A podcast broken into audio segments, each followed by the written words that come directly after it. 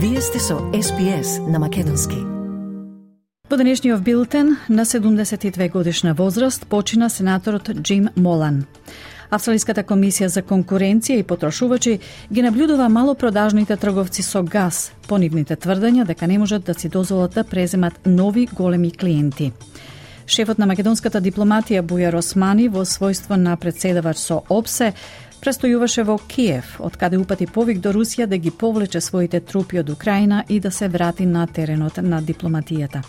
И во тенисот Новак Ѓоковиќ на неговиот прв настап на Australian Open вечерва за ривал го има шпанецот Роберто Карбалес Биена.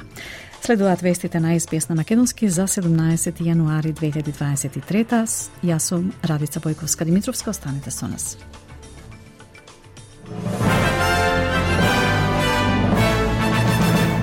Сенаторот Джим Молан почина на 72 годишна возраст. Неговото семејство во изјава за јавноста го опиша Джим Молан како, цитат, војник, пилот, автор, доброволец пожарникар, но и како најмногу обожуван сопруг, татко, дедо и брат. Сенаторот Молан беше генерал мајор во армијата пред да премине во политиката. Тој беше реизбран во Сенатот на сојузните избори во 2022 година. Благаникот Джим Чалмерс изрази надеж дека платите ќе продолжат значително да се зголемуваат и покрај покачувањата на каматните стапки.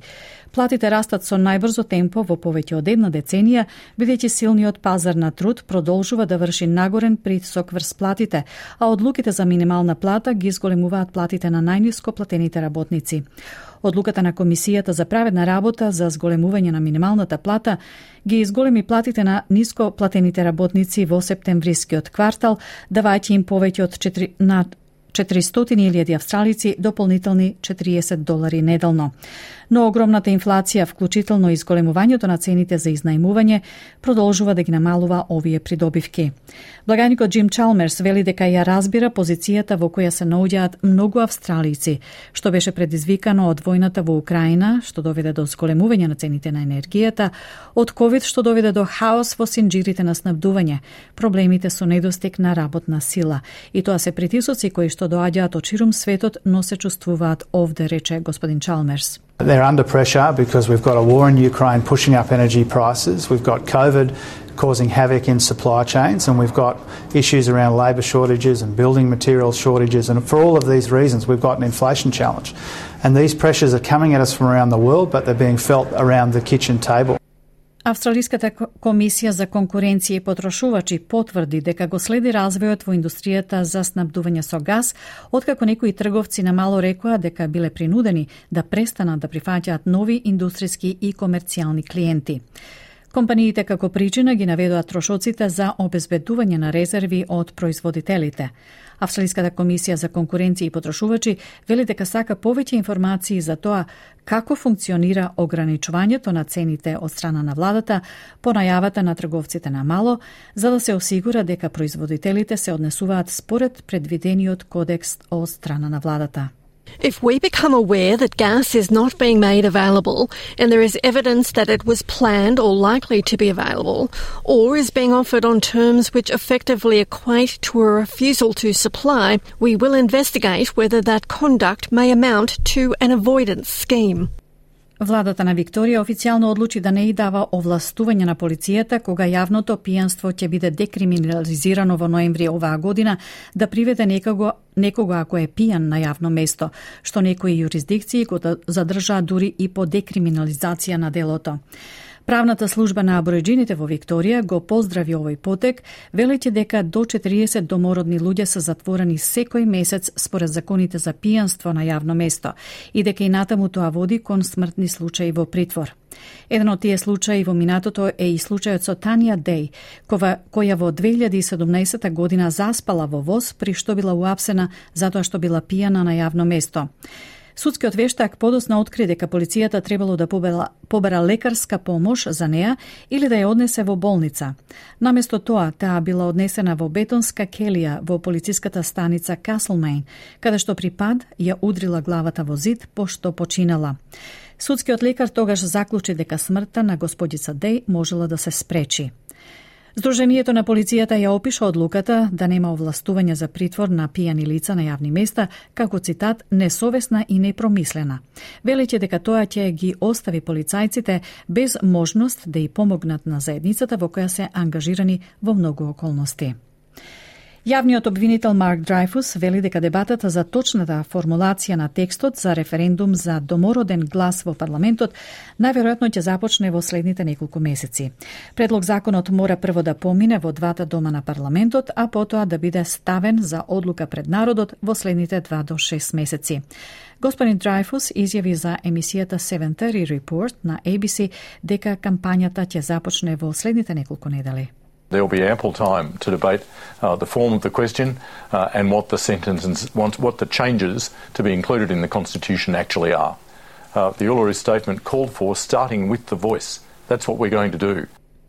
Маже уапсен откако жена беше пронајдена мртва во стан во западниот дел на Сиднеј.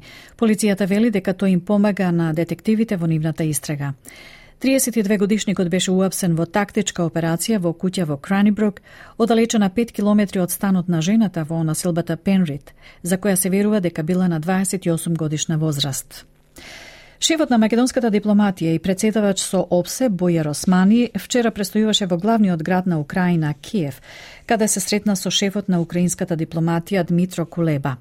Османи на пресконференција изрази силна осуда за континуираната руска агресија врз Украина и потенцира дека нападите врз цивилни цели немаат никакво оправдување. Османи во својот говор упати повик до Русија, цитат, да ја запре војната, да ги повлече своите трупи од Украина, повторно да се обврзе на принципите и на вредностите на ОПСЕ и да се врати во дипломатијата.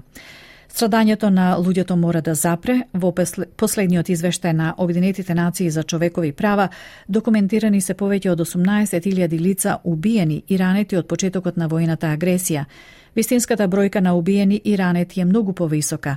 Дополнително 18 милиони украинци се регистрирани како бегалци низ Европа. Близу 5 милиони се трајно раселени. Овие бројки се шокантни. Дури и еден загубен човечки живот или уништена иднина е превисока цена, рече Османи. Even one loss of life or ruined future is too high of a cost to pay.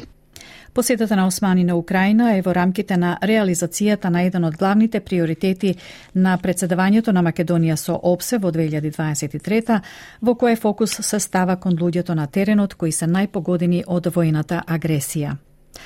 Во Обединетото кралство, полицаец во Лондон се изјасни за виновен за повеќе обвиненија за силување, што потикна барања за промена на културата на однесување во полицијата. Девид Керик се изјасни за виновен во 24 обвиненија за сексуален напад во текот на речиси две децении. Обвинителите тврдат дека 48 годишниот ја користел својата позиција за да ги контролира и заплашува своите жртви, на кои им кажувал дека никој нема да им верува за нивните наводи против полицаец. Тоа е најнов случај во низата скандали во полицијата, вклучително и наводи за расизам и мизогинија, што е потикна британската министерка за внатрешни работи Суела Брейверман да изјави дека промените се очајно потребни и дека во овој случај, овој случај ќе влијае врз довербата на луѓето во полицијата. This appalling uh, incident uh, represents a breach of trust. Uh, will, it will affect uh, people's confidence uh, in the police, and it's clear that standards and culture need to change in policing. And that's why I'm driving forward changes to support the police and to support chief constables around the country in doing so. Италијанската влада го поздрави апсењето на висок представник на мафијата во бегство на Сицилија, величи дека тоа покажува дека групата може да биде победена. Италијанската премиерка Джорджија Мелони го посети Палермо за да им честите на истражителите кои го следеа бегалецот Матео Месина Денаро, осуден мафијашки бос на кој му се заканува доживотен затвор. Премиерката вели дека фаќањето на Месина Денаро по децении во бегство представува чекор напред во битката на земјата против мафијата. Таа вели дека тоа е тежок удар за организираниот криминал, бидејќи тој се сметал за главен шеф на Коза Ностра на Сицилија, дури и додека бил бегалец. Денаро треба да биде затворен за два бомбашки напади на Сицилија во 1992 година, во кои беа убиени највисоките обвинители против мафијата, Джовани Фалконе и Паоло Борселино, сопругата на Фалконе и неколку нивни телохранители.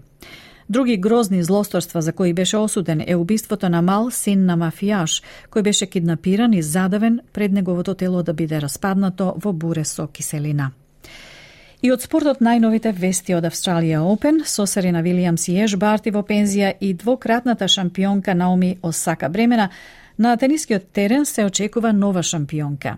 Една од фаворитките е најдобрата светска тенисерка Ига Швојнтек, која веќе се пласира во второто коло на турнирот, откако ја совлада германката Јул Нимајар. Таа вели дека иако над преварот започнал непријатно, сепак била задоволна со крајниот резултат и дека тоа ја подобрило незината самодоверба. It shows me kind of that I don't have to feel 100%, you know, perfectly to still win a match. Um, and I have kind of skills to sometimes I don't know just use other options when something is not working. But on the other hand, um, it's the first round, so I know that uh, I'm gonna do my best to work on these things. Во тенисот за мажи, Кина славеше мал триумф со победата на најмладиот играч, 17 годишниот Шанг Јун Ченг против германецот Оскар Оте. Во меѓувреме 27 годишниот Нир Киргиос на Твитер најави дека веќе го планира своето враќање откако беше принуден да се повлече од турнирот. А српскиот тенисер Новак Ѓоковиќ вечерва треба да се соочи со шпанецот Роберто Карбалес Баена. Тој рече дека ќе се обиде да ја освои својата десета титула на турнирот. Од најновата курсна листа, денеска еден австралиски долар се менува за 0,64 евра, 0,69 американски долари и 39,18 македонски денари. Додека еден американски долар се менува за 56,18 македонски денари, а едно евро за 60,85 македонски денари. Еве анакусо и временската прогноза за главните градови за утре, среда 18 јануари. Перт сончева максималната ќе се искачи до 32 степен, Аделаид облачно 23, Мелбурн слаби повремени врнежи предпладне максимална 23, Хобарт краткотрени слаби врнежи 22, Камбера слаби повремени врнежи и можна бура 31, сончево за Сиднеј максимална 30, делумно облачно за Бризбен 29, Дарвин слаби повремени врнежи и услови за бура 30. 32 и претежно сончево за Алис Спрингс со максимално до 39 степени.